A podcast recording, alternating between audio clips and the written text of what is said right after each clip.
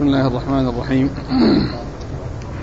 الحمد لله رب العالمين والصلاة والسلام على عبد الله ورسوله نبينا محمد وعلى آله وصحبه أجمعين أما بعد. قال الإمام أبو داود السجستاني رحمه الله تعالى كتاب الصلاة. قال باب فرض الصلاة. قال حدثنا عبد الله بن مسلمة عن مالك عن عمه أبي سهيل بن مالك عن أبيه أنه سمع طلحة بن عبيد الله رضي الله عنه يقول جاء رجل إلى رسول الله صلى الله عليه وآله وسلم من أهل نجد ثائر الرأس يسمع دوي صوته يسمع دوي صوت دوي صوته ولا يفقه ما يقول حتى دنا فإذا هو يسأل عن الإسلام. فقال رسول الله صلى الله عليه وآله وسلم خمس صلوات في اليوم والليلة. قال هل علي غيرهن؟ قال لا إلا أن تطوع. قال وذكر له رسول الله صلى الله عليه وآله وسلم صيام شهر صيام شهر رمضان. قال هل علي غيره؟ قال لا إلا أن تطوع. قال وذكر له رسول الله صلى الله عليه وآله وسلم الصدقة. قال فهل علي غيرها؟ قال لا إلا أن تطوع. فأدبر الرجل وهو يقول والله لا أزيد على هذا ولا أنقص.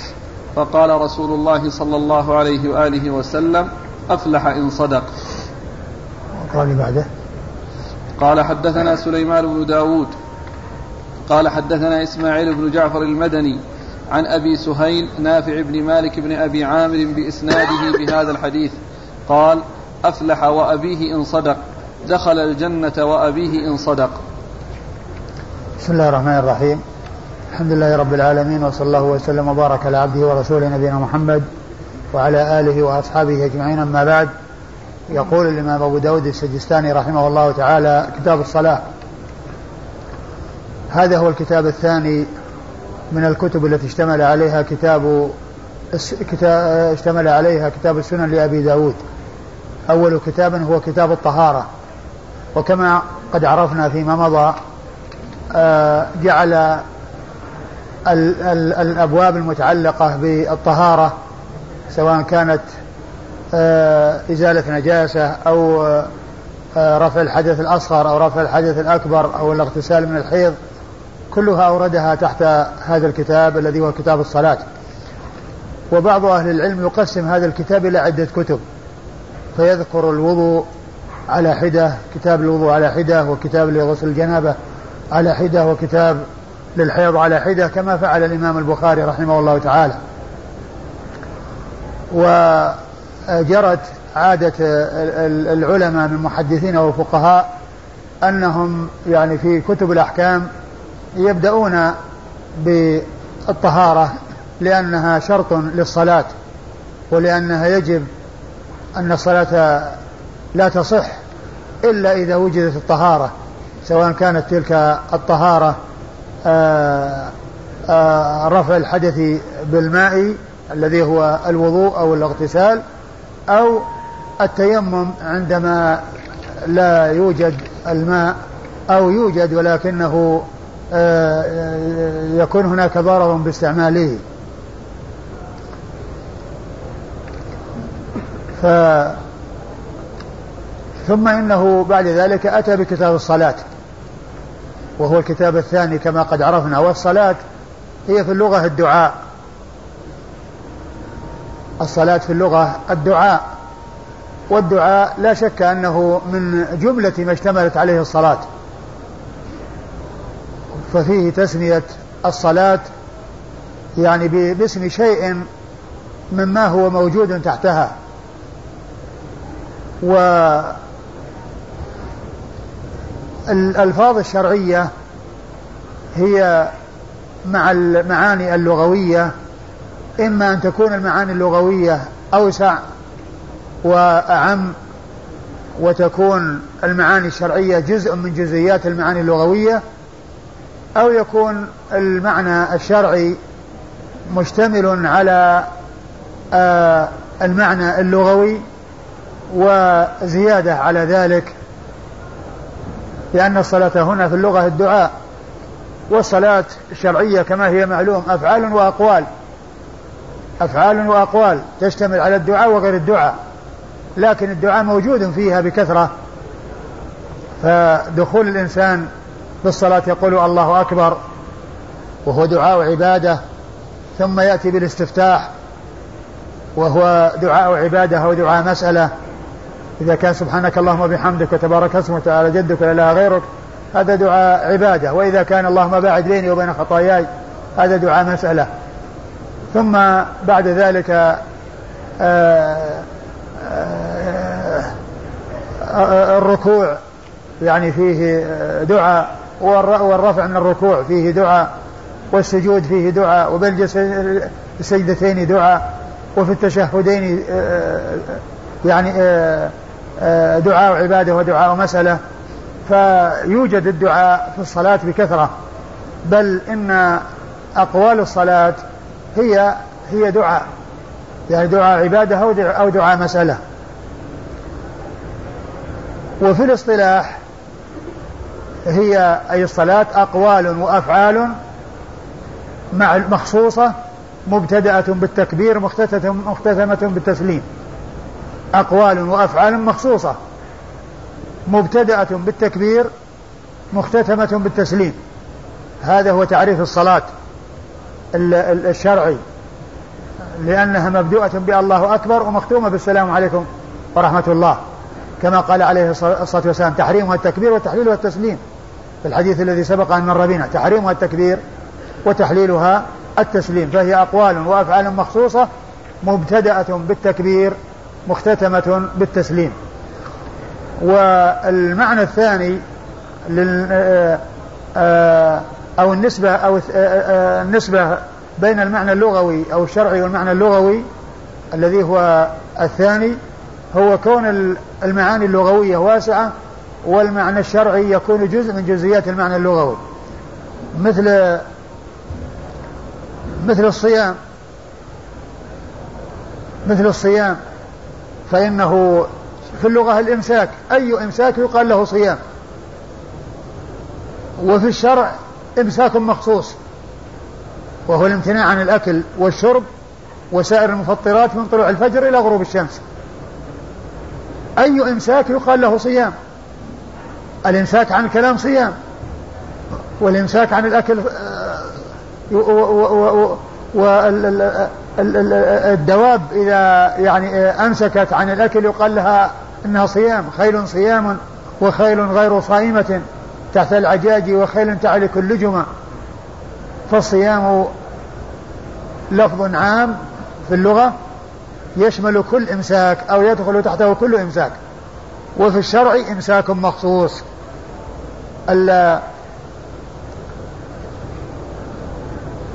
الحج لغة القصد مطلقة.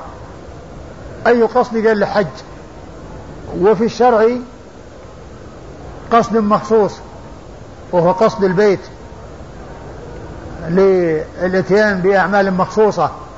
والعمرة لغة الزيارة. أي زيارة؟ وفي الشرع زيارة البيت لأفعال مخصوصة.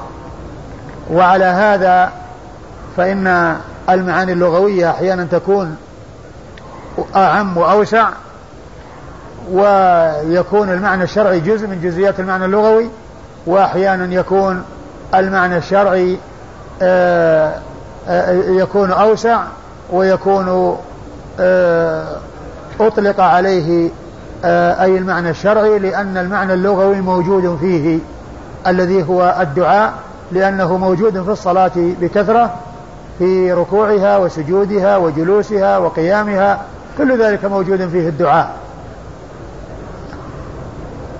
ثم إن الصلاة هي أعظم أركان الإسلام بعد الشهادتين. أعظم أركان الإسلام بعد الشهادتين. والإسلام بني على خمسة أركان كما بين ذلك رسول الله صلى الله عليه وسلم في حديث جبريل وفي حديث ابن عمر وغير وغيرهما. ففي حديث ابن عمر عن النبي صلى الله عليه وسلم بني الإسلام على خمس. شهادة أن لا إله إلا الله وأن محمد رسول الله وإقام الصلاة وإيتاء الزكاة وحج البيت وصوم رمضان. وفي حديث جبريل قال أخبرني عن الإسلام قال أن تشهد أن لا إله إلا الله وأن محمد رسول الله وتقيم الصلاة وتؤتي الزكاة وتصوم رمضان وتحج البيت إن استطعت إليه سبيلا. فالصلاة هي أعظم أركان الإسلام بين الص... بعد الشهادتين. الشهادتان هي الأساس وهي أس الأسس. والركن الركين الذي كل عمل أو كل ركن سواه لا ينفع إلا إذا كان مستندا إليه وإلا إذا كان مبنيا عليه. لأنه إذا لم يوجد الشهادتان فأي عمل من الأعمال لا قيمة له. أو وجدت شهادة أن لا إله إلا الله ولم توجد شهادة أن محمد رسول الله معها من حين بعث الله رسوله صلى الله عليه وسلم إلى قيام الساعة فإن أي عمل لا ينفع صاحبه ما دام أنه لم يستند على هذا الأساس الذي هو الشهادة لله بالوحدانية ولنبيه محمد صلى الله عليه وسلم بالرسالة. والصلاة شأنها عظيم في الإسلام. وقد جاء آيات وأحاديث تدل على عظم شأنها وأن شأنها عظيم. وأنها أعظم أركان الإسلام بعد الشهادتين. فمما ورد في بيان عظم شأنها أن الله تعالى فرضها على نبيه صلى الله عليه وسلم وهو في السماء لم يفرضها عليه وهو في الأرض وإنما فرضت عليه وهو في السماء. صلوات الله وسلامه وبركاته عليه ليلة المعراج. وفرضت عليه أولا خمسين صلاة. وقد استسلم وانقاد وسلم الأمر لله ونزل لينفذ الذي أمر به ولكنه لما مر بموسى بن عمران وهو في السماء السادسة عرض عليه وأشار عليه بأن يرجع إلى الله عز وجل ويسأله التخفيف وقال إنه قد كلف بنو إسرائيل بأشياء ومع ذلك ما قاموا بها. فطلب منه أو أشار عليه بأن يرجع ويسأل التخفيف فحصل ذلك وتكررت المراجعة حتى وصلت إلى خمس. وقال الله عز وجل هن خمس في العمل وخمسون في الأجر لأن الحسنة في عشر أمثالها. فيصلي, فيصلي الإنسان خمس صلوات في اليوم والليلة وتكون عن خمسين صلاة لأن الصلاة عن عشر صلوات والحسنة في عشر أمثالها. ففرضت عليه وهو في السماء صلوات الله وسلامه وبركاته عليه. ونسخ ونسخ العدد من خمسين إلى خمس قبل التمكن من الامتثال. قبل التمكن من الامتثال. ولكن الذي ظهر هو استسلام الرسول صلى الله عليه وسلم وانقياده لأمر ربه وأنه لما فرض عليه خمسا خمسين صلاة استعد. وسيقوم بالتنفيذ. ولكن الله خفف قبل أن يحصل التكليف للناس. بل خففت من خمسين إلى خمس والرسول صلى الله عليه وسلم في السماء قبل أن ينزل إلى الأرض. ففي هذا دليل على التمكن النسخ قبل التمكن من الامتثال. لأن الامتثال ما حصل والتمكن ما وجد لأنه ما نزل للأرض حتى ينفذ. فحصل النسخ قبل التمكن من الامتثال. وكذلك أيضا قصة الذبيح إسماعيل ذبحه إياه عمرة كونه بأنه يذبحه ثم نسخ ذلك قبل التمكن من الامتثال ولكن الذي حصل هو الاستسلام والانقياد من الذابح والمذبوح الذي الذابح والذي يراد ذبحه كل منهما استسلم لله عز وجل.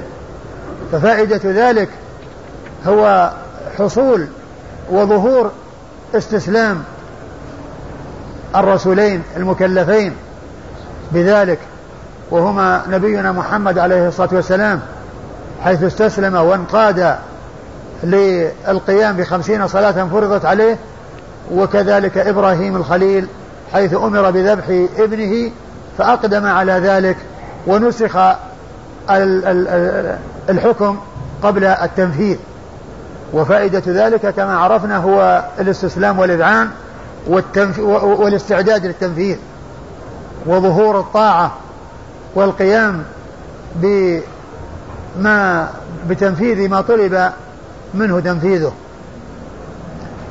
فهذا من مما يدل على عظم شأن الصلاة أنها فرضت ورسول الله صلى الله عليه وسلم في السماء. ومما يدل على عظم شأنها أن أن النبي عليه الصلاة والسلام أخبر بأنها عمود الإسلام. وذلك في حديث معاذ بن جبل الطويل الذي فيه عدة أمور حيث قال له ألا أخبرك برأس الأمر وعموده وذروة سنامه؟ رأس الأمر الإسلام وعموده الصلاة وذروة سنامه الجهاد في سبيل الله.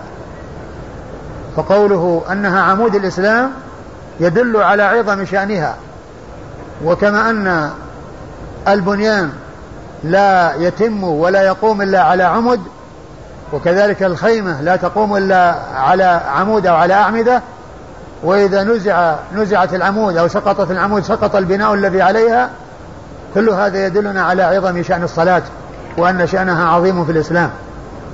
ومما يدل على عظم شأنها أن النبي عليه الصلاة والسلام أخبر بأنها آخر ما يفقد من الدين في هذه الحياة. أول ما تفقدون من دينكم الأمانة وآخر ما تفقدون من دينكم الصلاة. والشيء إذا فقد آخره بقي منه شيء ولكن إذا فقد آخره ما يبقى منه شيء. إذا فقد آخره معناه أنه ما بقي منه شيء. وكذا وكما أن وجاء عن النبي صلى الله عليه وسلم كما أنها آخر ما يفقد فهي أول ما يحاسب عليه العبد يوم القيامة. أول ما يحاسب عليه العبد من يوم القيامة من عمله الصلاة. فإن حصل النجاح وفي في, في, في تلك المحاسبة فما سواها ما سواها تابع لها. وإن حصلت خسارة فإنه يكون فيما سوى ذلك أخسر. ومما يدل على عظم شأن الصلاة أن النبي صلى الله عليه وسلم وصى بها في آخر حياته. يقول علي بن أبي طالب رضي الله تعالى عنه وأرضاه سمعت رسول الله صلى الله عليه وسلم يقول في مرض موته الصلاة الصلاة وما ملكت أيمانكم. يعني أنه يحث ويحرض على القيام في الصلاة وعلى الإحسان إلى ملك اليمين. الصلاة الصلاة وما ملكت أيمانكم. ثم يقول علي رضي الله عنه وهؤلاء الكلمات هن آخر شيء سمعته من رسول الله صلى الله عليه وسلم. يعني أن علي رضي الله عنه بعد أن سمع صوت رسول الله صلى الله عليه وسلم يقول هذا الكلام لم يسمعه بعد ذلك لأنه قال وهؤلاء الكلمات هن آخر شيء سمعته من رسول الله صلى الله عليه وسلم. ومما يدل على عظم شأن الصلاة أن النبي عليه الصلاة والسلام قال العهد الذي بيننا وبينهم الصلاة فمن تركها فقد كفر. فهذا يدل على عظم شأن الصلاة وأن تركها كفر. ومما يدل على عظم شأنها أيضا أن الله تعالى أخبر أن الذين يدخلون سقر عندما يدخلون فيها ويسألون ما الذي أوصلكم سقر يجيبون في أول ما يجيبون أنهم ما كانوا يصلون. إلا أصحاب اليمين في جنات يتساءلون عن المجرمين. ما سلككم في سقر؟ قالوا لم نكن من المصلين. فهذا من الأسباب التي توصل إلى سقر والعياذ بالله. والحاصل أن أمر الصلاة عظيم وشأنها كبير وقد جاءت النصوص الكثيرة الدالة على عظم شأنها. ثم ثم هي تكون في اليوم والليلة خمس مرات. وهي صلة وثيقة بين العبد وبين ربه. وهي علامة الإيمان وعلامة الاستسلام والانقياد لأمر الإسلام. والإنسان إذا صاحب إنسانا يستطيع أن يعرف أنه أنه من أولياء الله أو أنه من أعداء الله في خلال 24 ساعة. إن رآه يصلي فهي علامة خير وإن رآه لا يصلي فهي علامة شر. بخلاف بقية الأركان فإنها لا تعرف أو لا يعرف حال الإنسان فيها كما يعرف الصلاة. لأن الزكاة لا تجب في السنة إلا مرة واحدة ولا تجب إلا على الأغنياء. ولا تجب إلا على الأغنياء. والصيام لا يجب في السنة إلا شهرا واحدا. والحج لا يجب في العمر إلا مرة واحدة. لكن الصلاة في اليوم والليلة خمس مرات. فهي صلة وثيقة بين العبد وبين ربه. فهذا كله يبين لنا عظم شأن الصلاة وأهميتها وأن وأنها رأس مال المسلم وأن عليه أن يحافظ عليها وأن يعنى بها وأن لا يتهاون فيها لأن لأنها أعظم أركان الإسلام بعد الشهادتين. وقد عرفنا جملة من الأدلة الدالة على عظيم شأنها. وعظم منزلتها في الإسلام. ثم بعد ذلك قال أبو داود رحمه الله باب فرض الصلاة. والمقصود بفرض الصلاة بيان أنها مفروضة.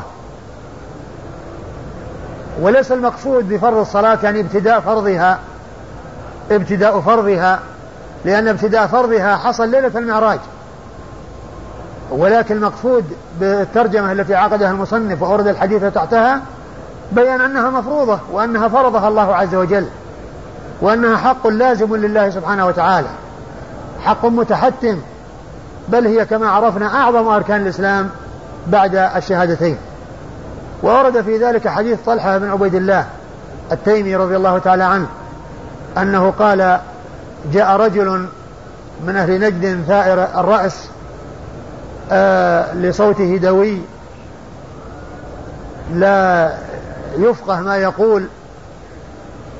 فلما دنا من رسول الله صلى الله عليه وسلم وإذا هو يسأل عن الإسلام فقال عليه الصلاة والسلام خمس خمس صلوات في اليوم والليلة. خمس صلوات في اليوم والليلة. فقال هل علي غيرها؟ قال لا إلا أن تطوع. فبدأ بالصلاة. وبين له أن أن الذي يبدأ به والذي يذكر أول ما يذكر يعني بعد الإسلام وبعد الدخول في الإسلام هو الشهادتان. ولهذا جاء في وصية النبي صلى الله عليه وسلم لمعاذ بن جبل حين بعثه إلى اليمن أن يبدأ بالصلاة بعد الشهادتين بعد الدخول في الإسلام يبدأ بالصلوات. فقال عليه الصلاة والسلام إنك تأتي قوم أهل الكتاب. فليكن أول ما تدعوهم إليه شهادة لا إله إلا الله وأن محمد رسول الله. فإنهم أجابوك لذلك فأعلمهم أن الله افترض عليهم خمس صلوات في كل يوم وليلة. فإنهم أجابوك لذلك فأعلمهم أن الله افترض عليهم صدقة في أموالهم تؤخذ من أغنيائهم فترد على فقرائهم فبدأ بالصلاة. أول شيء يدعى إليه بعد التوحيد الصلاة التي هي عمود الإسلام. وهذا أيضا مما يبين لنا عظم شأن الصلاة. وأنها أول شيء يدعى إليه بعد التوحيد. وبعد الدخول في الإسلام. فهي خمس صلوات فرضها الله عز وجل في اليوم والليلة. فقال لهذا الرجل خمس صلوات في اليوم والليلة. فقال هل على غيرها؟ قال لا إلا أن تطوع. وهذا فيه دليل على أن الواجب أو على أن الفرض الذي فرضه الله هو هذه الصلوات الخمس.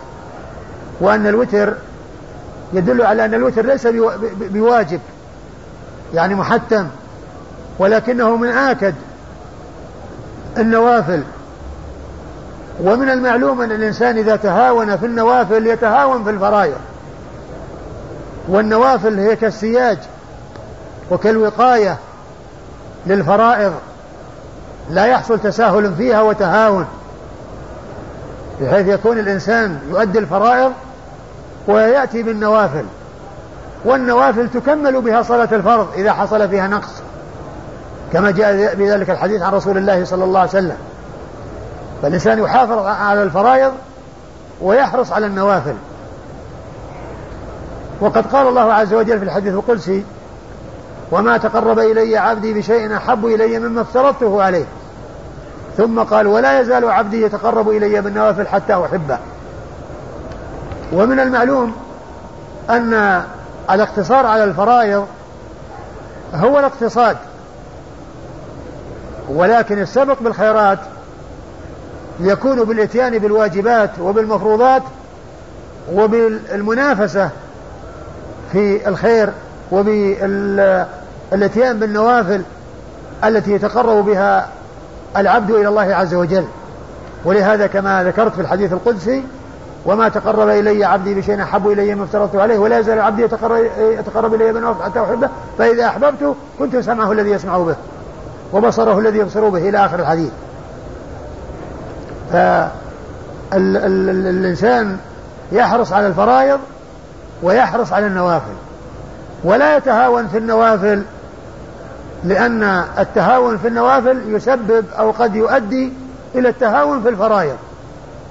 يؤدي إلى التهاون في الفرائض. وكما جاء في الحديث أن الإنسان إذا كان في نقصه صلاته نقص فإنه فإنه آه، آه، آه، ينظر هل له نوافل فيكمل بها. هل له نوافل يكمل به ذلك النقص الذي حصل في صلاته. وعلى هذا فالصلوات المفروضة في اليوم والليلة خمس صلوات ويدل على أن الفرض ليس بوتر لأن الوتر ليس بفرض ولكنه متحتم وقد جاء عن الإمام أحمد أنه قال الذي يترك الوتر رجل سوء أو الذي لا يأتي بالوتر رجل سوء. والنبي صلى الله عليه وسلم كان يحافظ على الوتر وعلى ركعتي الفجر في الحضر والسفر. ما كان يترك الوتر ولا ركعة الفجر حتى في الأسفار حتى في أسفاره صلى الله عليه وسلم. كان يحافظ على الوتر وعلى ركعتي الفجر. والإمام أحمد يقول إن الذي لا يصلي الوتر إنه رجل سوء. يعني معناه ذنب. وكما قلت إن التهاون في الفرائض في النوافل قد يؤدي إلى التهاون في الفرائض ثم أيضا آه، عندما يحصل نقص في الفرائض لا يكون هناك ما تكمل به من النوافل حيث لا يكون هناك آه، حيث لا يكون هناك نوافل.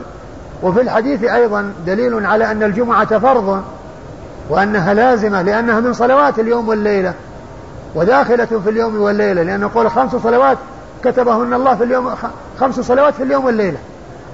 والجمعة هي فرض ذلك اليوم فرض ذلك اليوم الذي يوم الجمعة. ثم سأل ثم أخبره عن ثم ذكر الصوم صوم رمضان وقال هل علي غير ذلك؟ قال لا إلا أن تطوع. ثم ذكر الصدقة وقال هل علي غير ذلك؟ قال لا إلا أن تطوع. فأدبر الرجل وهو يقول والله لا أزيد على ذلك ولا أنقص. يعني معناه أنه يقتصر على الواجبات ويؤدي الواجبات. وقوله صلى الله عليه وسلم أفلح إن صدق يدل على أن القيام بالواجبات هذا هو الذي يحصل به أداء ما هو مفروض ويسلم الإنسان من الإثم ومن الوقوع في الإثم لأن الواجب يثاب فاعله ويعاقب تاركه. وأما النوافل يثاب فاعلها ولا يعاقب تاركها لأن المندوب يثاب فاعله ولا يعاقب تاركه. وأما الواجب الفرض يثاب فاعله ويعاقب تاركه. فقوله أفلح إن صدق يعني أتى بما يؤدي به إلى الفلاح وبما يسلم به من عذاب الله عز وجل لأنه أدى ما هو واجب عليه. ولكنه إذا زاد على ذلك بأن أتى بالنوافل يكون خيرا له وبركة ويصير نور إلى نور وخير وخير إلى خير. وقوله أفلح إن صدق يعني إن صدق فيما يقول وفيما حلف عليه أنه يأتي بما فرض الله عليه. لا يزيد ولا ينقص فإنه يكون مفلحا. وأخذ بسبب الفلاح وهو القيام بما أوجبه الله عز وجل عليه. وقد جاء في بعض الروايات أفلح وأبيه إن صدق. دخل الجنة وأبيه إن صدق. وهذا فيه قوله أبيه وهي لفظ قسم. وقد جاء في الأحاديث عن النبي صلى الله عليه وسلم النهي عن الحلف بغير الله عز وجل. قال من حلف بغير الله فقد أشرك. وقال عليه الصلاة والسلام لا تحلفوا بآبائكم ولا بأمهاتكم. ولا بالأنداد ولا تحلفوا إلا بالله ولا تحلفوا إلا وأنتم صادقون. فقوله عليه الصلاة والسلام ولا تحلفوا إلا بالله. يعني قصر الحلف على أن يكون بالله أي بالله وأسمائه وصفاته. وليس المقصود به أن يكون بلفظ الجلالة فقط وإنما المقصود به أن يكون الحلف بالله والحلف بالرحمن وبالرحيم. وبالسميع وبالبصير هو حلف بالله لأن ليس المقصود لفظ الجلالة وإنما المقصود أن يكون الحلف بالرب سبحانه وتعالى بأسمائه وصفاته. لأن من حلف بأسمائه فهو مثل الحلف بالله لأن الله اسم من أسماء الله والرحمن من أسماء الله والرحيم من أسماء الله والسلام من أسماء الله والقدوس من أسماء الله وهكذا. فأي اسم ثبت لله عز وجل فإن الإنسان يحلف به فيحلف بالله وأسمائه وصفاته ولا يحلف بغير ذلك ولا يحلف بغير ذلك. ولهذا قال ولا تحلفوا إلا بالله. يعني لا تحلفوا بغير الله. لا تحلفوا بغير الله. أي وكل من سوى الله فهو مخلوق والحلف إنما هو بالخالق دون المخلوق. وقد جاء أيضا عن النبي صلى الله عليه وسلم أنه قال من كان حالفا فليحلف بالله أو ليصمت. من كان حالفا فليحلف بالله أو ليصمت. يعني لا يحلف. وإن كان حالفا فحلفه يجب أن يكون بالله عز وجل. وهنا يقول أفلح وأبيه إن صدق. وقد أجاب العلماء عن ما ورد في هذا الحديث بأن قالوا إن هذا كان قبل النهي.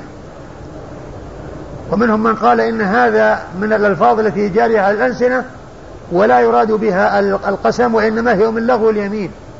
مثل قول القائل لا والله بلا والله التي لا تنعقد إلا إذا عقد إذا الإنسان أرادها وعزم عليها. يعني قال والله لا أفعلن كذا وكذا. والله لا أفعلن كذا وكذا. أما إذا كان يعني شيء ما قصده الإنسان وما أراده وإنما جرى على لسانه مثل لا والله وبلا والله فإن هذا من لغو اليمين التي ليس فيها كفارة ليس فيها كفارة ولا تنعقد. فكذلك يعني كلمة أبيه قالوا إنها هي من هذا القبيل من الشيء الذي يجري على الألسنة ولا يراد به اليمين ولا يراد به القسم وإنما شيء جرى على الألسنة مثل ما جرى كلمات أخرى عقرة وحلقة وتربت يمينك وتربت يداك. يعني شيء يجري على الألسنة ولا يراد. ومن العلماء من قال ومن العلماء من قال إن هذا شاذ. يعني هذه الرواية شاذة مخالفة للروايات التي هي التي بدونها والتي لم يذكر فيها ذكر وأبيه فهي زيادة شاذة. الحاصل أن الحلف بغير الله لا يجوز وأن ما ورد في الحديث لا يقال إنه دليل على جواز الحلف بغير الله لأنه قد جاء ما يدل على المنع من ذلك حيث قال لا تحلفوا بآبائكم ولا بأمهاتكم ولا بالأنداد ولا تحلفوا إلا بالله ولا تحلفوا إلا وأنتم صادقون. وكان قال ذلك لما كان عمر سمع عمر يقول وأبي وأبي فعند ذلك قال رسول الله صلى الله عليه وسلم هذا الكلام فقال عمر رضي الله عنه والله يعني آه لا أحلف بذلك لا ذاكرا ولا آثرا. يعني لا يحلف ولا يذكر أن غيره حلف بهذا الكلام. حتى مجرد كونه يأثره عن غيره. أن فلان قال والله قال قال وأبي. قال فلان وأبي. يعني لا ذاكرا ولا آثرا. لا ذاكرا يعني آه، بأن يكون منه ولا آثرا ذلك عن غيره. وهذا فيه استسلام الصحابة وانقيادهم لما يأتي عن الرسول الكريم صلى الله عليه وسلم من الأحكام. نعم. ثم إن الحلف بغير الله أمره خطير. وقد جاء عن عبد الله بن مسعود رضي الله تعالى عنه أنه قال لأن أحلف بالله صادقا لأن أحلف بالله كاذبا أحب إلي من أن أحلف بغيره صادقا. أحب إلي من أن أحلف بغيره صادقا. وذلك أن الحلف بالله توحيد والكذب معصية والحلف بغير الله شرك. وكونه يعني ومن المعلوم أن أن المعصية دون الشرك والذنب الذي يوصف بأنه شرك أو كفر يكون أعظم من غيره وأشد من غيره. ولهذا قال عبد الله بن مسعود رضي الله عنه لا نحلف بالله صادقا لا نحلف بالله كاذبا أحب إلي من أن أحلف بغيره صادقا. لأن الحلف بالله توحيد والكذب معصية والمعصية أهون من الشرك والذنب الذي يوصف بأنه معصية أهون وأخف من الذي يوصف بأنه شرك. نعم. إسناد؟ قال حدثنا عبد الله بن مسلمة. حدثنا عبد الله بن مسلمة القعنبي وهو ثقة أخرج له أصحاب الكتب الستة إلا ابن ماجه. عن مالك. عن مالك بن أنس إمام دار الهجرة الإمام المشهور أحد أصحاب المذاهب الأربعة المشهورة من مذاهب أهل السنة وحديثه أخرجه أصحاب الكتب الستة. عن عمه أبي سهيل بن مالك. عن عمه أبي سهيل وهو نافع بن مالك بن أبي ربيعة الأصبحي وهو ثقة أخرج له أصحاب الكتب الستة. عن أبيه. عن أبيه مالك بن أبي ربيعة وهو ثقة أخرج له أصحاب الكتب الستة. بن أبي عامر. ها؟ ابن أبي عامر نعم. ابن أبي عامر مش ابن أبي ربيعة. ابن أبي عامر. نعم. عن طلحة بن عبيد الله. عن طلحة بن عبيد الله رضي الله تعالى عنه هو أحد العشرة المبشرين بالجنة وحديثه أخرجه أصحاب الكتب الستة. قال حدثنا سليمان بن داود. سليمان بن داود هو أبو الربيع الزهراني. أبو الربيع الزهراني وهو ثقة أخرج له البخاري ومسلم وأبو داود النسائي نعم. البخاري ومسلم وأبو داود النسائي عن إسماعيل بن جعفر المدني. عن إسماعيل بن جعفر المدني وهو ثقة أخرج له أصحاب الكتب الستة. عن أبي سهيل نافع بن مالك بن أبي عامر بإسناده بهذا الحديث. وهو وهو وهم الذين مروا في الإسناد السابق. قال رحمه الله تعالى باب ما جاء في المواقيت. قال حدثنا مسدد قال حدثنا يحيى عن سفيان قال حدثني عبد الرحمن بن فلان بن أبي ربيعة قال أبو داود هو عبد الرحمن بن الحارث بن عياش بن أبي ربيعة عن حكيم بن حكيم عن حكيم بن حكيم عن نافع بن جبير بن مطعم عن ابن عباس رضي الله عنهما أنه قال قال رسول الله صلى الله عليه وآله وسلم أمني جبريل عليه السلام عند البيت مرتين. فصلى بي الظهر حين زالت الشمس وكانت قدر الشراك وصلى بي العصر حين كان ظله مثله وصلى بي يعني المغرب حين أفطر الصائم وصلى بي العشاء حين غاب الشفق وصلى بي الفجر حين حرم الطعام. أول, أول تعيد المتن. قال أمني جبريل. أمني جبريل عليه السلام عند البيت مرتين. نعم. فصلى بي الظهر حين زالت الشمس وكانت قدر الشراك. وصلى بي العصر حين كان ظله مثله. وصلى بي يعني المغرب حين أفطر الصائم. وصلى بي العشاء حين غاب الشفق. وصلى بي الفجر حين حرم الطعام والشراب على الصائم. فلما كان الغد صلى بي الظهر حين كان ظله مثله. وصلى بي العصر حين كان ظله مثليه. وصلى بي المغرب حين أفطر الصائم وصلى بي العشاء إلى ثلث الليل وصلى بي الفجر فأسفر ثم التفت إلي فقال يا محمد هذا وقت الأنبياء من قبلك والوقت ما بين هذين الوقتين.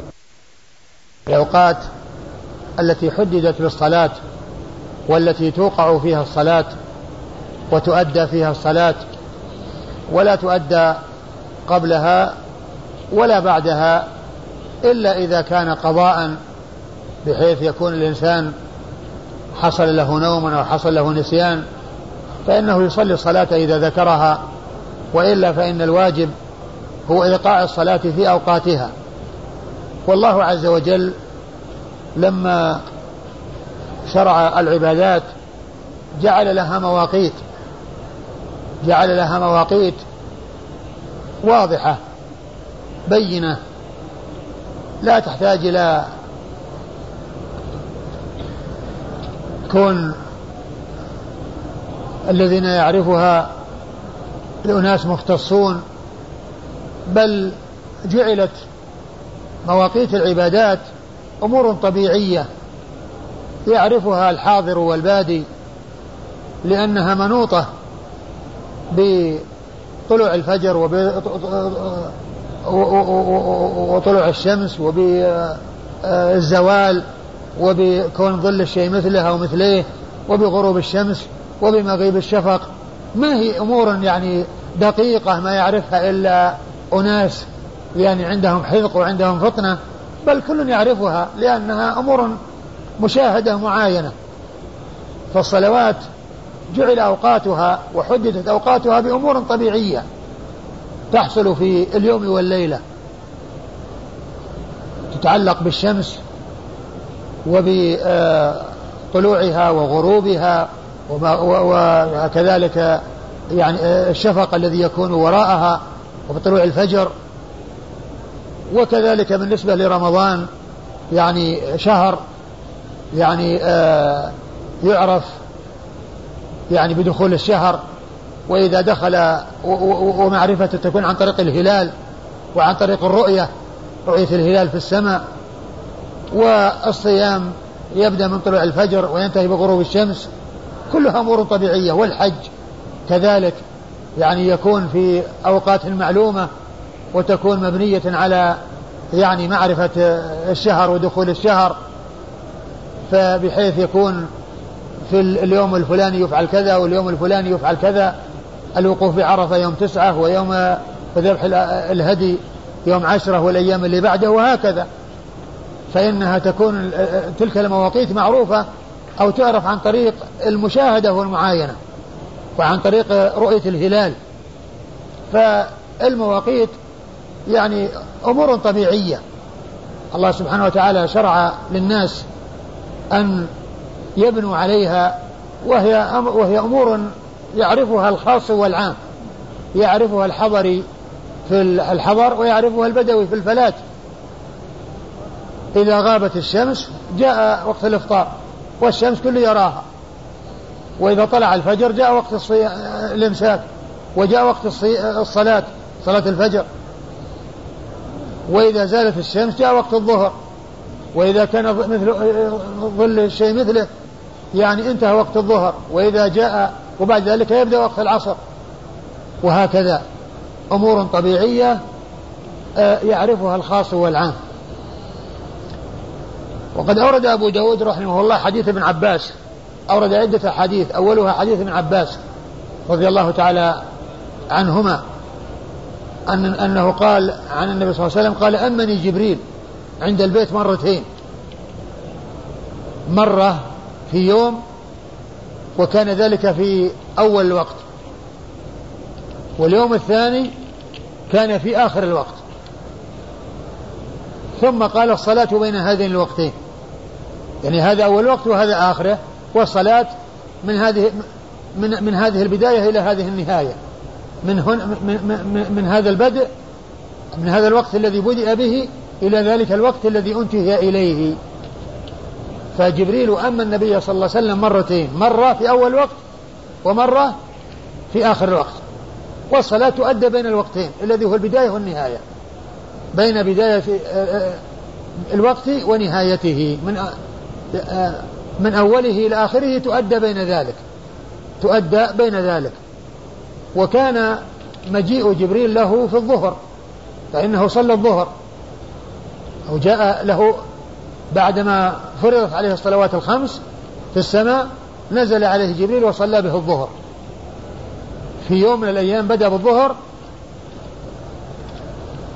حتى جاء الفجر ومن الغد في أول وقت ومن الغد بدأ بالظهر حتى الفجر في بيان آخر الوقت. في بيان آخر الوقت. وقد بين ذلك بقوله قال أنبني جبريل. نعم عند البيت مرتين. نعم. فصلى نعم. عند البيت يعني عند الكعبة. المقصود بالبيت هو الكعبة. نعم. فصلى بي الظهر حين زالت الشمس وكانت قدر الشراك. وهذا أول وقت. صلى بي الظهر حين زالت الشمس. يعني الشمس تطلع من جهة الشرق والفيء يكون إلى جهة الغرب. فإذا توسطت واتجهت إلى جهة الغرب بدأ الظل يتجه إلى جهة الشرق فإذا زالت الشمس عن الرأس وانكسر الفيء بحيث بدأ الظل إلى جهة الشرق عند ذلك يبدأ وقت الظهر. يبدأ وقت الظهر وقال حتى كانت الشمس مثل الشراك يعني شيء دقيق يعني شيء قليل تحت الجدران وتحت ال ال ال الأشياء الشاخصة يعني شيء يسير مثل الشراك. يعني مثل سير النعل الذي يكون على ظهر النعل يعني شيء خفيف. يعني معناه أنه وجد الظل من هذه الجهة بعد أن زالت الشمس. وهذا هو أول وقت الظهر. نعم. وصلى بي العصر حين كان ظله مثله. وصلى بي العصر حين كان ظله مثله. يعني عند انتهاء وقت الظهر. لأن أول وقت العصر إذا كان ظل الشيء مثله. يعني بحيث تكون الصلاة يعني وراء ذلك. وأما الظهر عند فيكون قبل قبلها. وصلاة العصر متصلة بصلاة الظهر ليس بينهما وقت إذا خرج وقت هذه دخل وقت هذه. لا فاصل بينهما. صلاة الظهر ما لم تحضر العصر. كما جاء في بعض الأحاديث. ما لم تحضر العصر. وقوله حين كان ظل الشيء مثله ليس معنى ذلك أن صلاة العصر يعني آه، وقتها يوافق آخر الظهر بل إذا انتهى وقت الظهر دخل وقت العصر. إذا انتهى وقت الظهر دخل وقت العصر لا أن الصلاتين يعني متداخلتان أو وقتهما متداخل بحيث تكون هذه تؤدى في وقت هذه هذه في آخر وهذه في الأول لا. وإنما بانتهاء وكون ظل الشيء مثله يعني يكون الإنسان بدأ بالصلاة. وكون ظل الشيء يعني مثله يكون الإنسان قد انتهى من صلاة الظهر. قد انتهى من صلاة الظهر. فهنا بيان أول المواقيت يعني في اليوم الأول الذي هو أول أول الوقت عند زوال الشمس واللي هو الظهر والعصر حين يكون ظل الشيء مثله يعني يبدأ. وذلك بانتهاء وقت الظهر. وكما ذكرت الوقتان متصلان ولا فاصل بينهما. إذا انتهى وقت هذه دخل وقت هذه. نعم. وصلى بي يعني المغرب حين أفطر الصائم.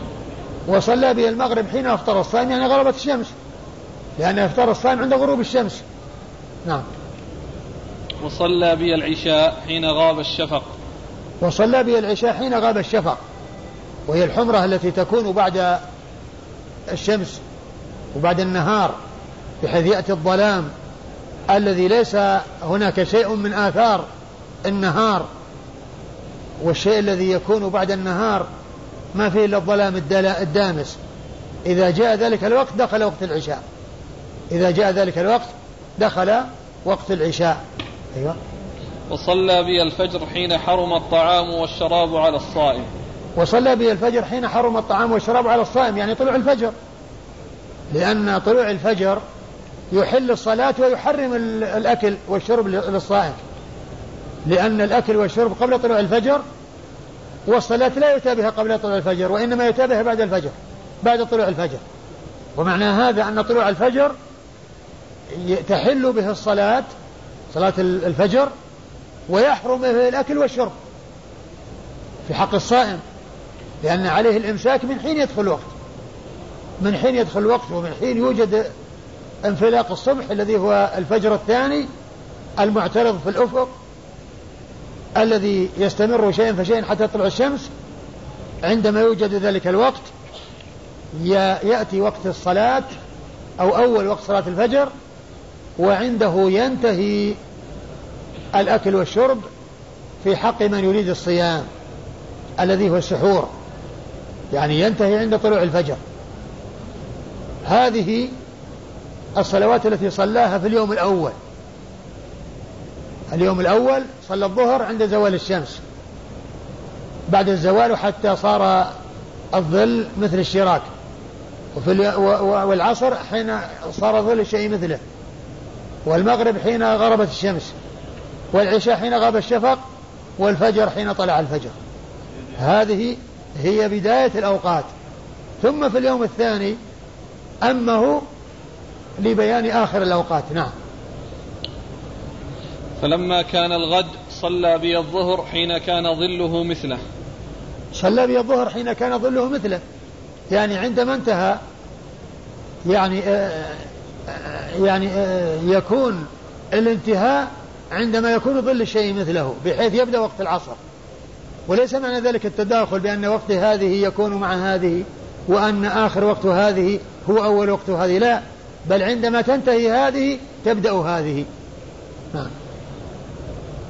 وصلى بي العصر حين كان ظله مثليه.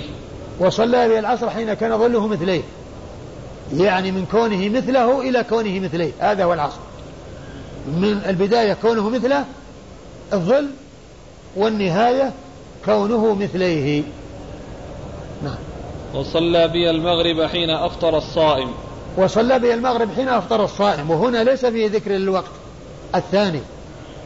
يعني لأن الأول هو أفطر الصائم وهنا أفطر الصائم. ومن هنا أخذ بعض العلماء أن المغرب ليس لها إلا وقت واحد وأنها وقتها ليس بطويل. ولكن جاءت الأحاديث عن رسول الله صلى الله, عليه وسلم بأن وقت المغرب ما لم تحضر العشاء إلى وقت العشاء. ووقت العشاء إذا غاب الشفق. فدل دلت الأحاديث الأخرى على أن المغرب لها وقت له بداية وله نهاية. أوله غروب الشمس وآخره مغيب الشفق وحضور وقت صلاة العشاء كما سيأتي في بعض الأحاديث الدالة على ذلك. نعم. وصلى بي العشاء إلى ثلث الليل. وصلى بي العشاء إلى ثلث الليل. وهنا جاء في هذه الرواية ثلث الليل. ولكن جاء في الروايات الأخرى أنها إلى نصف الليل. أنها إلى نصف الليل.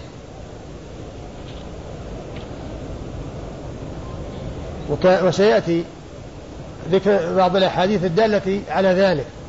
ولعل يعني التفاوت بين الثلث والنصف أن أحدا قدر بهذا وأحدا قدر بهذا. لكن جاءت الروايات متعددة محددة ذلك بنصف الليل وهذا هو الوقت الاختياري. ولكن كما هو معلوم ينبغي للإنسان أن يحرص على أن يؤدي الصلاة في أول الوقت لأن تأخيرها إلى آخر الوقت قد يؤدي إلى خروجها عن وقتها. ومن حام حول الحمى يوشك أن يقع فيه. والذي يحوم حول آخر الوقت يمكن أن يخرج الوقت وهو ما صلى. فيكون بذلك أخرج الصلاة عن وقتها ويكون فرط. ولكنه إذا بادر إلى الصلاة في أول وقتها يكون بادر إلى من الشيء الذي كلفت به. وألا يؤخرها إلى آخر الوقت فيترتب على ذلك إخراج الصلاة عن وقتها. نعم. وصلى بي الفجر فأسفر. وصلى بي الفجر فأسفر يعني حتى حصل الإسفار. حتى حصل الإسفار. وجاء في بعض الأحاديث أن صلاة الفجر إلى إلى طلوع الشمس. إلى طلوع الشمس آه، وأن صلاة وقت الفجر ما لم تطلع الشمس. وقد جاء عن النبي صلى الله عليه وسلم من أدرك ركعة من الصلاة قبل أن تطلع الشمس فليضف إليها أخرى. يعني ويكون بذلك قد أدى الصلاة في وقتها. فوقت الفجر إلى طلوع الشمس ولكن الإنسان يؤديها بغلس ويؤديها في أول وقتها كما جاء ذلك عن رسول الله صلوات الله وسلامه وبركاته عليه. لكنها حيث أديت من طلوع الفجر إلى إلى طلوع الشمس فإنه في الوقت. ولكن الإنسان لا يؤخر الصلاة إلى آخر الوقت لأن ذلك فيه آه، قرب من النهاية وقد يؤدي ذلك إلى التفريط وإخراج الصلاة عن وقتها. ثم إن آه، آه، من الصلوات ما لها وقت اضطرار ووقت اختيار. فصلاة الظهر صلاة العصر لها وقت اختياري وقت اضطراري. إلى أن يكون ظل الشيء مثليه أو إلى اصفرار الشمس هذا وقت اختيار. وإلى غروب الشمس هذا وقت اضطرار. بمعنى أن لو نام إنسان إنسان نام إنسان ثم لم يستيقظ إلا قرب غروب الشمس. فإنه يصلي العصر في وقتها. وقت اضطراري. وكذلك بالنسبة للعشاء إلى نصف الليل اختياري وإلى طلوع الفجر اضطراري. لأنه جاء عن النبي صلى الله عليه وسلم أنه قال ليس في النوم تفريط إنما التفريط من يؤخر الصلاة حتى يأتي وقت الصلاة التي بعدها حتى يؤدي يأتي وقت الصلاة التي بعدها. أي نعم. ثم التفت إلي فقال يا محمد هذا وقت الأنبياء من قبلك والوقت ما بين هذين الوقتين. ثم التفت إلي وقال يا محمد هذا وقت الأنبياء من بعدك؟ من قبلك. من قبلك؟ و... و... و... والصلاة بين هذين الوقتين؟ والوقت بين ما والوقت بين أي وقت الصلاة بين هذين الوقتين. الوقت الأول الذي حصل بالأمس وهو من في أول الوقت والوقت الثاني الذي حصل اليوم وهو آخر الوقت. فالوقت بين الوقتين وقت الصلاة بين هذين الوقتين وهي أوقات اختيارية كما هو كما هو واضح. نعم. قال حدثنا مسدد. مسدد هو بن مسرهد ثقة أخرج حديثه البخاري وأبو داود والترمذي والنسائي. عن يحيى. عن يحيى بن سعيد القطان ثقة أخرج له أصحاب كتب الستة. عن سفيان. عن سفيان بن, بن سعيد بن مسروق الثوري ثقة فقيه أخرج له أصحاب كتب الستة. عن عبد الرحمن بن فلان بن أبي ربيعة. عبد الرحمن بن فلان وهو عبد الرحمن بن الحارث. عبد الرحمن بن الحارث بن؟ بن عياش بن أبي ربيعة. بن عياش بن أبي ربيعة وهو صدوق, صدوق له أوهام. نعم. صدوق له أوهام أخرج حديثه. البخاري في الأدب المفرد وأصحاب السنن. أخرج حديثه البخاري في الأدب المفرد وأصحاب السنن. عن حكيم بن حكيم. عن حكيم بن حكيم وهو صدوق أخرج له أصحاب السنن. وهو صدوق أخرج له أصحاب السنن. عن نافع بن جبير بن مطعم. عن نافع بن جبير بن مطعم وهو له رؤية؟ اللي له رؤية ولا لا غير؟ لا لا. ثقة؟ نعم. ثقة أخرج له؟ أصحاب الكتب نعم أصحاب الكتب الستة. ثقة أخرجه أصحاب الكتب الستة. عن ابن عباس. عن ابن عباس عبد الله بن عباس بن عبد المطلب ابن عم النبي صلى الله عليه وسلم وأحد العباد له الأربعة من الصحابة وأحد السبعة المعروفين بكثرة الحديث عن النبي صلى الله عليه وسلم. السماعات ما تساعد خربت. ما بقي إلا دقيقتين طيب والله أعلم وصلى الله وسلم وبارك على عبده ورسوله نبينا محمد وعلى آله وأصحابه. اللي بعد حديث ولا إيه حديث. تعليق؟ لا حديث حديث. طيب طيب. جزاكم الله خيرا وبارك الله فيكم ونفعنا الله بما قلتم. أخ جزاه الله خير. راجع تاريخ الإسلام للذهبي.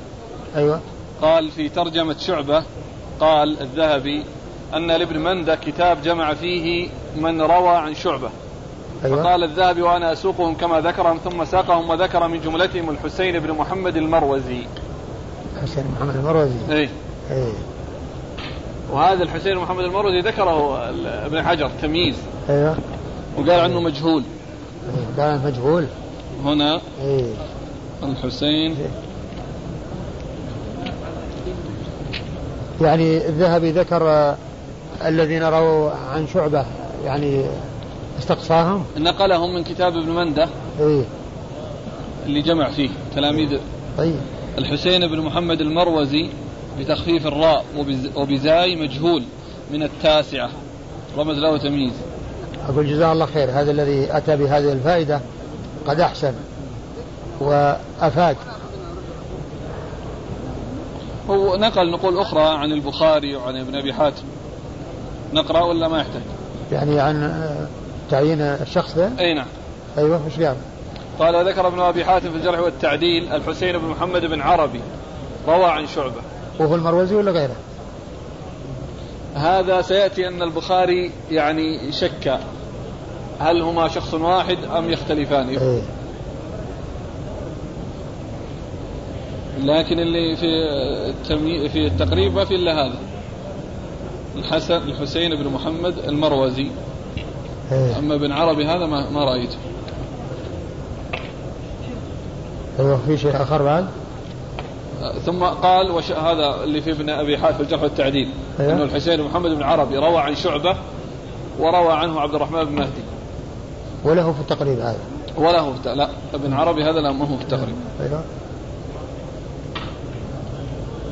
ثم قال وشك البخاري في تاريخه بينه وبين آخر فقال في ترجمة آخر في ترجمة آخر غيره حسين بن محمد سمع حجاج بن حسان وسمع منه موسى بن إسماعيل وروى ابن مهدي عن حسين بن محمد عن شعبة فلا أدري هو هذا أم لا إيه.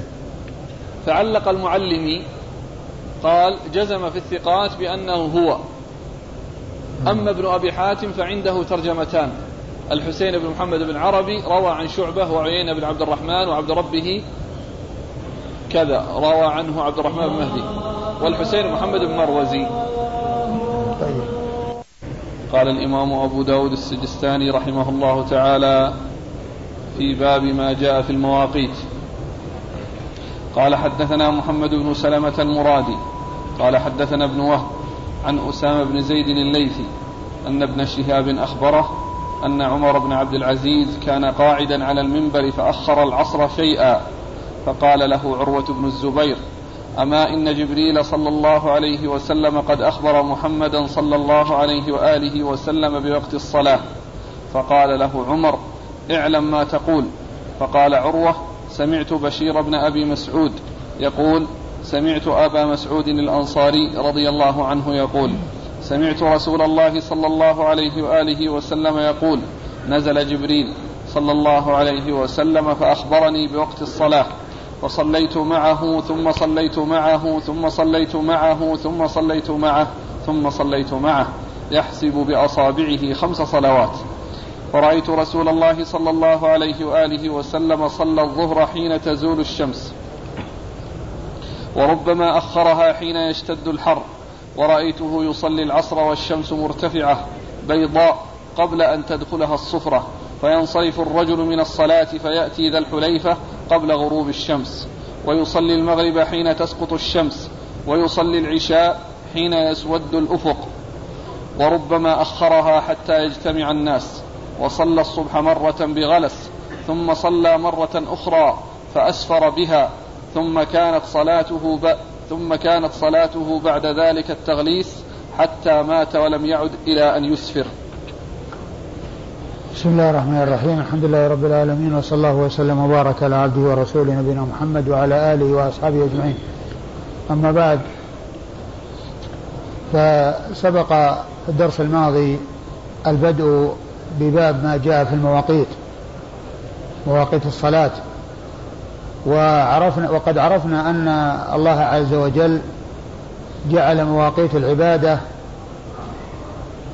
في أمور معلومة أمور طبيعية مشاهدة معاينة يعرفها الخاص والعام.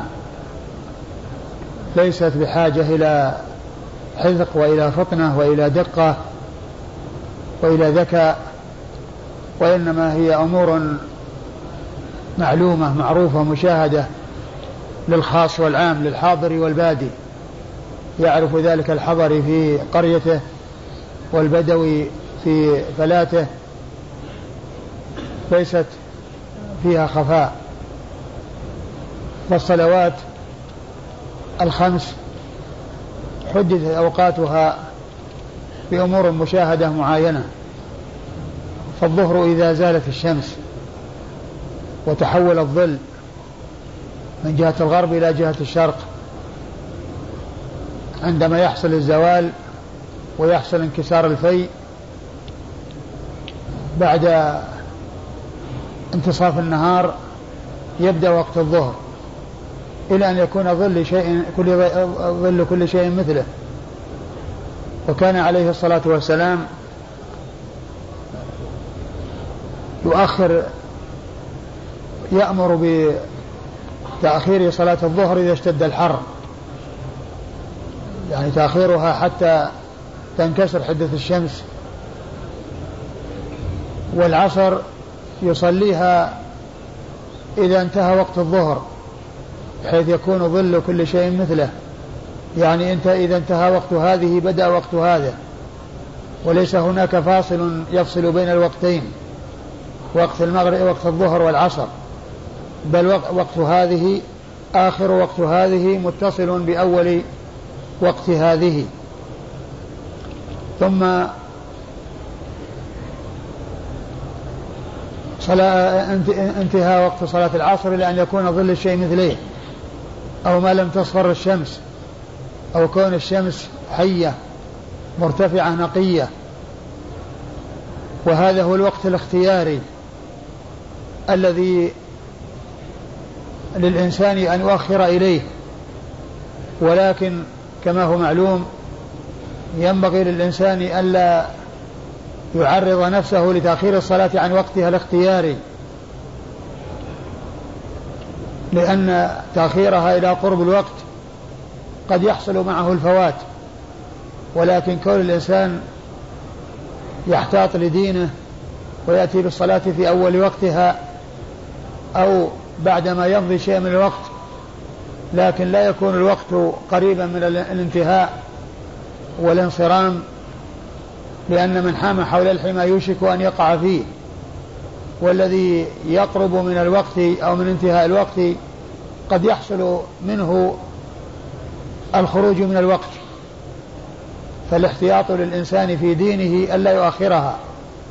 وأما وقت الاضطرار فإنه من حين اصفرار الشمس إلى الغروب. قد جاء عن النبي صلى الله عليه وسلم أنه قال من أدرك ركعة من العصر قبل الغروب فليضف إليه فلي من أدرك ركعة من العصر قبل الغروب فقد أدرك الصلاة.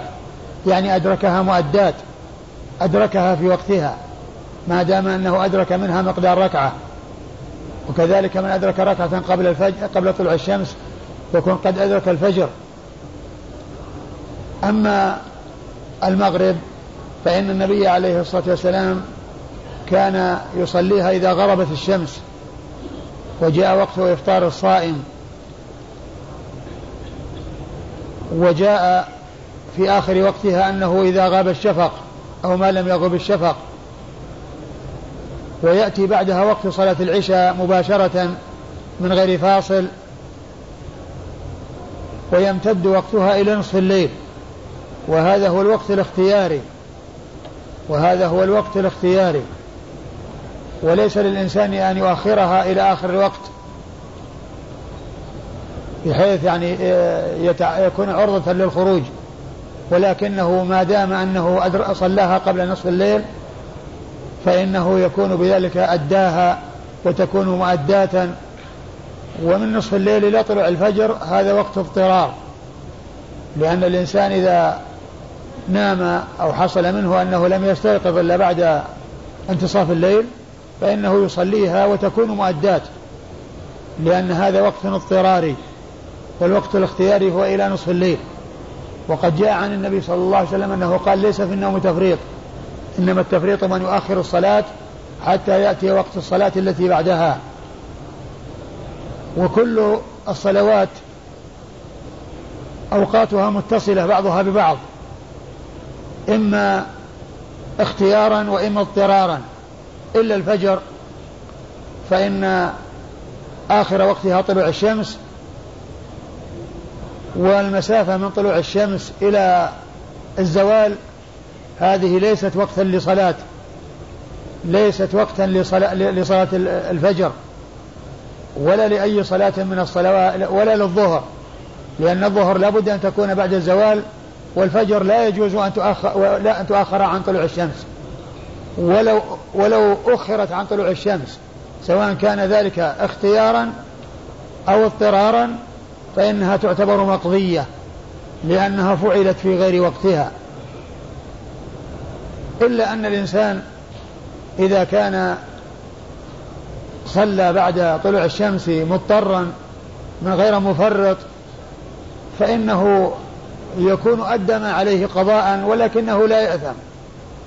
أما إذا كان مفرطا وحصل التأخير عن طلوع الشمس بتفريط منه فإنه عليه أن يصلي والصلاة يكون قد أداها ولكنه أثم بكونه أخر أو قصد التأخير أو أنه وجد منه التفريط. الذي حصل منه التأخير.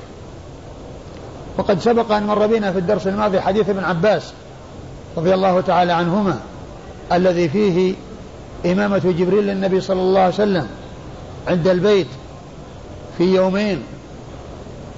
أمه في اليوم الأول في كل صلاة في أول وقتها وفي اليوم الثاني أمه في آخر الوقت الاختياري. أمه في آخر الوقت. إلا المغرب فإنه قد مر أنه صلاها وقتا واحدا. ومعنى هذا أنه ليس لها وقت طويل وإنما وقتها قصير لأنه صلاها في اليوم الأول والثاني واحدا. لكن ما جاء ما يدل على أن صلاة المغرب أنها تمتد إلى مغيب الشفق. وإذا غاب الشفق يدخل وقت العشاء فيكون وقت صلاة المغرب طويلا وهو مغيب الشفق وهي الحمرة التي تتبع الشمس بحيث يأتي الظلام الدامس الذي ليس فيه شيء من علامات النهار وهي الحمرة التي تأتي بعد مغيب الشمس. فجاء عن النبي صلى الله عليه وسلم ما يدل على أن وقت المغرب يمتد إلى مغيب الشفق. ما لم يغب الشفق وإذا غاب الشفق دخل وقت العشاء.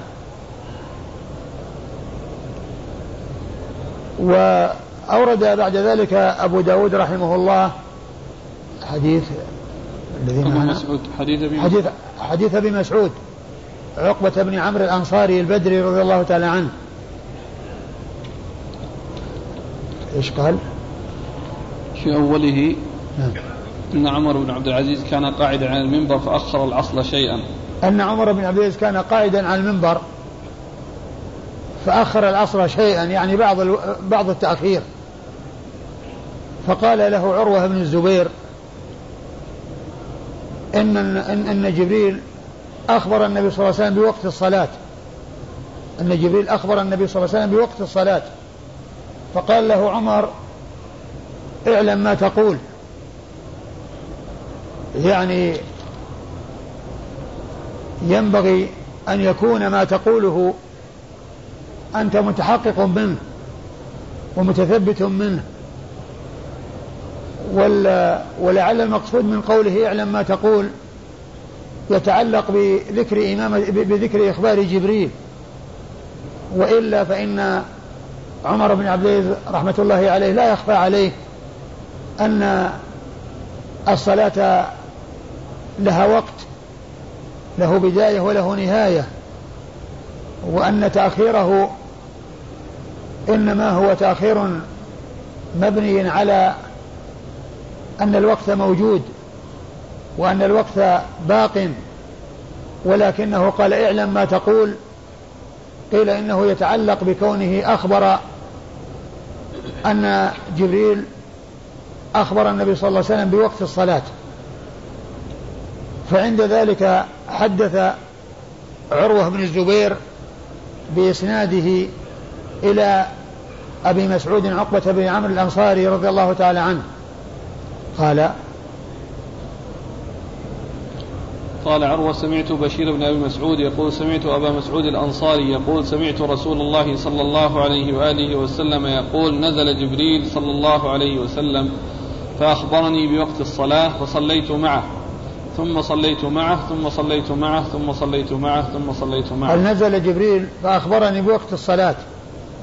يعني أخبره بالفعل وبالقول لأنه بالفعل أمه في أول وقت في يوم وفي اليوم الثاني أمه الصلوات الخمس في أواخر الوقت أو في آخر الوقت أي الوقت الاختياري بالنسبة للصلاة التي لها وقت اختياري وقت, وقت اضطراري.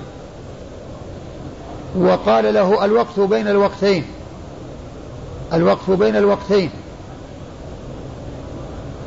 ففيه بيان بالقول إخبار بالقول وإخبار بالفعل لأنه صلى به وقال له الوقت بين الوقتين فهو إخبار بالقول وإخبار بالفعل. وهنا ذكر أنه قال صليت معه ثم صليت معه ثم صليت معه وذكر الصلوات الخمس وعدها ولم يذكر التفصيل وإنما ذكر ذلك مجملة وقوله صليت معه وصليت معه. يعني معناه أن الإخبار وتحقق الإخبار من جبريل للرسول صلى الله عليه وسلم قد حصل وأنه أخبره بالوقت وصلى معه وإخباره به كان قولا وفعلا. ثم قال فرأيته. يعني النبي صلى الله عليه وسلم كان يصلي بالناس. فرآه يصلي الأوقات على هذا النحو الذي ذكره. ليس فيه بيان الشيء الذي فعله جبريل وإنما فيه أن النبي فيه إخبار النبي صلى الله عليه وسلم بأن جبريل أخبره بالوقت وأنه صلى معه خمس صلوات ثم قال أبو, أبو مسعود رأيته صلى الله عليه وسلم يفعل كذا وكذا. يعني هذا مما شاهده وعاينه. ومن المعلوم أن ما فعله رسول الله صلى الله عليه وسلم مبني على ما علمه جبريل وبما أوحى الله إليه بعد ذلك فيما فيه زيادة على ما حصل في تعليم جبريل له صلى الله عليه وسلم. لأنه قد جاء في حديث جبريل أنه صلى المغرب وقتا واحدا ولكن جاء من قوله صلى الله عليه وسلم وقت المغرب ما لم يغب الشفق ما لم يغب الشفق أو ما لم يحضر وقت العشاء. فدل ذلك على أن هناك زمن أطول من الزمن الذي ذكر فيه أنه صلى المغرب عند غروب الشمس في الوقتين. أو في اليومين المت... اليوم الأول والثاني. وعلى هذا فحديث أبي مسعود فيه الإخبار بصلاة جبريل به وإخباره جبريل له وقت الصلاة ثم إنه كان أي أبو مسعود يخبر عن ما شاهده وعاينه من صلاته صلى الله عليه وسلم. فقال فرأيته؟ ورأيت رسول الله صلى الله عليه وآله وسلم صلى الظهر حين تزول الشمس. قال رأيت النبي صلى الله عليه وسلم صلى الظهر حين تزول الشمس. يعني حين يحصل الزوال وهو رجوع الفي من جهة الغرب إلى جهة الشرق. وإن كان شيئا يسيرا كما سبق أن مر في حديث ابن عباس مثل الشراك. يعني مثل شراك النعل يعني شيء يعني آه، قليل جدا. المهم أن الزوال وجد وأن الفيء وجد وتحقق وإن كان شيئا يسيرا. فهذا هو بداية صلاة الظهر. ولا يجوز أن تؤدى قبل الزوال. ولو أديت قبل الزوال لكانت باطلة وغير صحيحة. ومن صلاها قبل الزوال وتبين له أن الزوال لم يحصل فيجب عليه أن يعيدها لأن الصلاة قبل وقتها لا تصح ولا تعتبر. أيوة. وربما أخرها حين يشتد الحر. وربما أخرها حين يشتد الحر. يعني أنه يؤخرها إذا اشتد الحر. وقد جاء ذلك من فعله وجاء من قوله إذا اشتد الحر فأبردوا بالصلاة وعن الصلاة فإن شدة الحر من فيح جهنم. نعم. ورأيته يصلي العصر والشمس مرتفعة بيضاء قبل أن تدخلها الصفرة فينصرف الرجل من الصلاة فيأتي ذا الحليفة قبل غروب الشمس. ورأيته يصلي العصر والشمس بيضاء. مرتفعة بيضاء. مرتفعة بيضاء يعني لم تقرب من الغروب ولم يتغير لونها بل لونها على صفائه وعلى بياضه وعلى حرارته لم يتغير بصفرة ولم يتحول إلى صفرة يعني آه للقرب من الغروب وإنما وهي بيضاء. يعني في شدة وهجها وكذلك مع وجود حرارتها. وهذا هو آخر الوقت الاختياري. يعني جاء مثليه وجاء والشمس مرتفعة وهي بيضاء نقية. نعم. قال فينصرف الرجل من الصلاة فيأتي ذا الحليفة قبل غروب الشمس. فينصرف الرجل من الصلاة ويأتي ذا الحليفة قبل غروب الشمس يعني يمشي إلى ذا الحليفة قبل غروب الشمس. وهذا فيه تقدير ب تقدير بالسير تقدير بالمشي والحركة. نعم. ويصلي المغرب حين تسقط الشمس. ويصلي المغرب حين تسقط الشمس يعني تغيب حيث تغيب.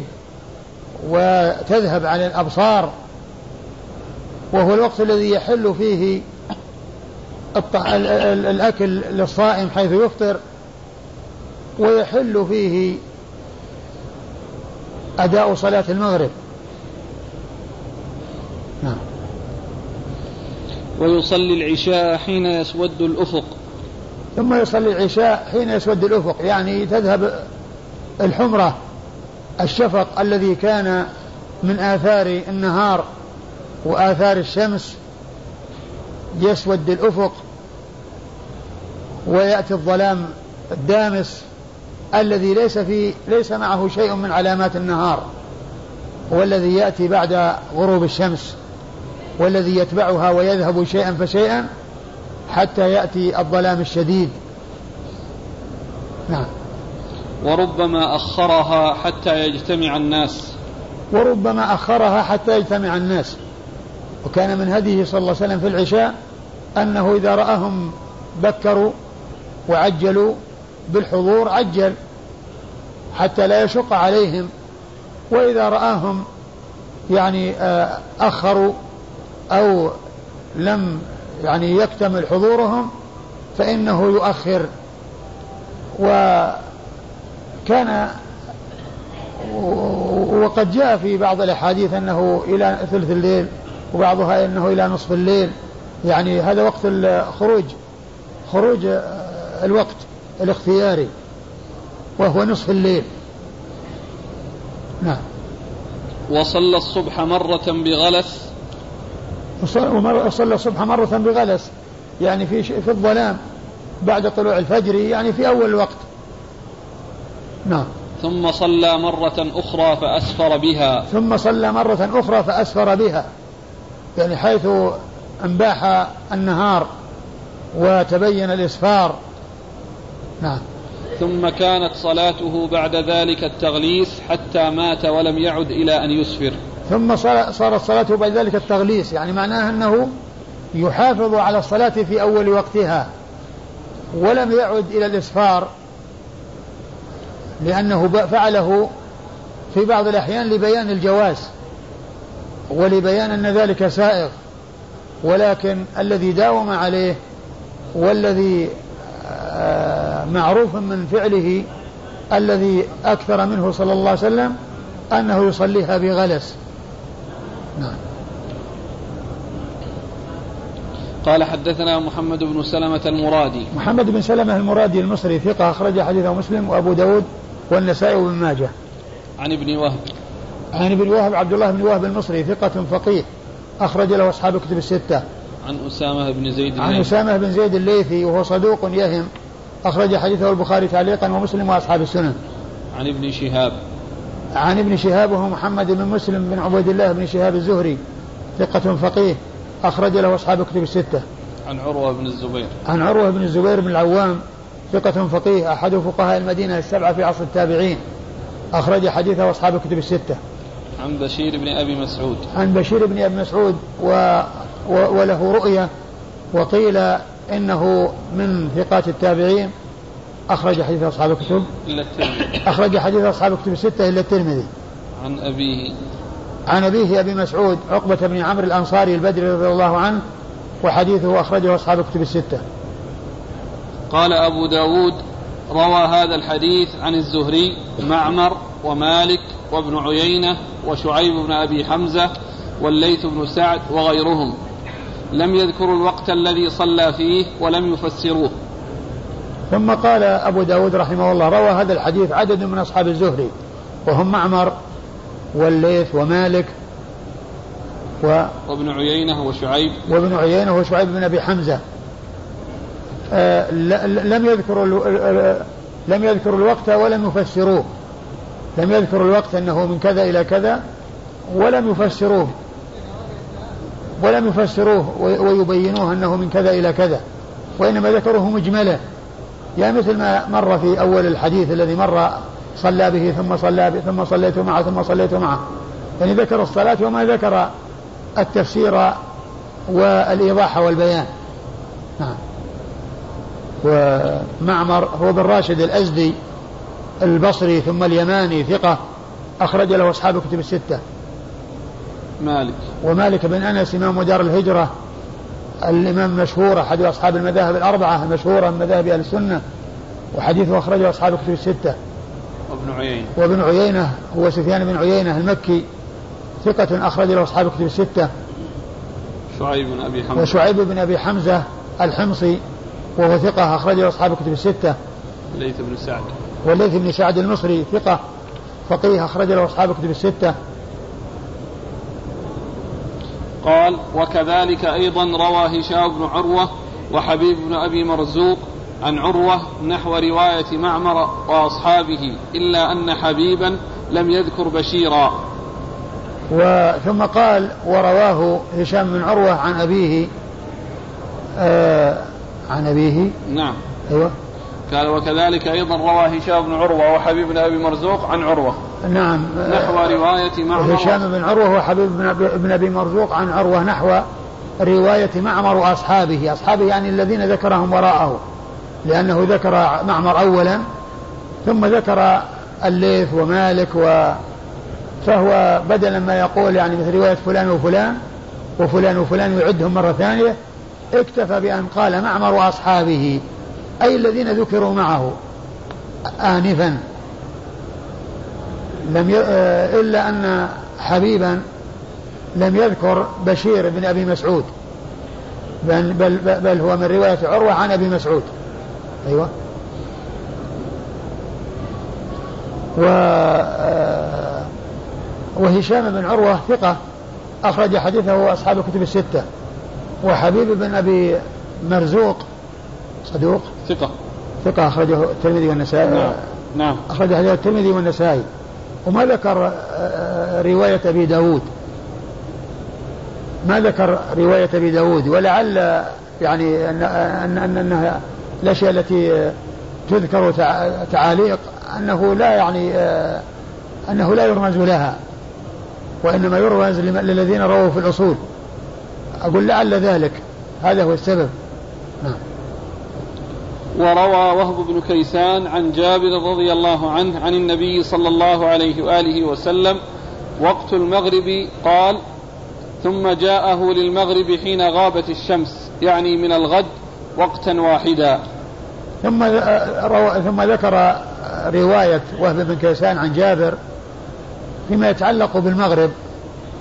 وأنه جاءه في اليوم الثاني وصلى به المغرب وقتا واحد يعني في اليوم, الأول واليوم الثاني.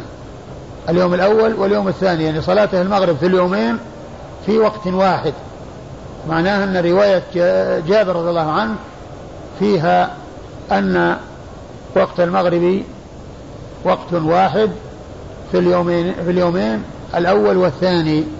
وقد عرفنا أنه جاء في الأحاديث ما يدل على أن المغرب ليس وقته واحدا. أنه وقت أن أن, أن المغرب ليس وقته واحدا بل وقته ممتد. ما لم يحضر وقت العشاء وما لم آه، آه، إلى حين مغيب الشفق حيث يدخل وقت العشاء. نعم. وهو ابن كيسان. وابن وهو ابن كيسان ثقة أخرج له أصحاب الكتب الستة. عن جابر. عن جابر بن عبد الله الأنصاري رضي الله تعالى عنه. صحابي بن صحابي وهو أحد السبعة المعروفين بكثرة الحديث عن النبي صلى الله عليه وسلم. قال أبو داود وكذلك روي عن أبي هريرة رضي الله عنه عن النبي صلى الله عليه وآله وسلم أنه قال ثم صلى بي المغرب يعني من الغد وقتا واحدا. ثم ذكر أن هذا الذي جاء عن جابر جاء عن أبي هريرة وذلك فيما يتعلق بصلاه المغرب وأن اليومين اللذين صلى بهما جبريل بالنبي صلى الله عليه وسلم كانت صلاته في وقت واحد. نعم. أبو هريرة. أبو هريرة عبد الرحمن بن صخر الدوسي آه، صاحب رسول الله صلى الله عليه وسلم وأكثر الصحابة حديثا على الإطلاق قال وكذلك روي عن عبد الله بن, عم... بن عمرو بن العاص من حديث حسان بن عطية عن عمرو بن شعيب عن أبيه عن جده رضي الله عنه عن النبي صلى الله عليه وآله وسلم. ثم قال وكذلك جاء عن عبد الله بن عمرو العاص. يعني مثل الذي جاء عن جابر وعن وعن أبي هريرة. أن وقت المغرب واحدا وقال إنه من رواية عمرو بن شعيب عن أبيه عن جده عن حسان بن عطية. نعم. إيش؟ حسان بن عطية. حسان بن عطية ثقة أخرجه أصحاب في الستة. وعمرو بن شعيب هو صدوق. أخرج حديثه البخاري في جزء القراءة وأصحاب السنن.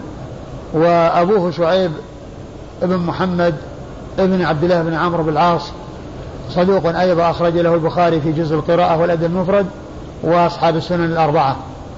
وعبد الله بن عمرو بن العاص رضي الله تعالى عنهما صحابي ابن صحابي وهو أحد العباد له الأربعة من أصحاب رسول الله صلى الله عليه وسلم وحديثه أخرجه أصحاب الكتب الستة.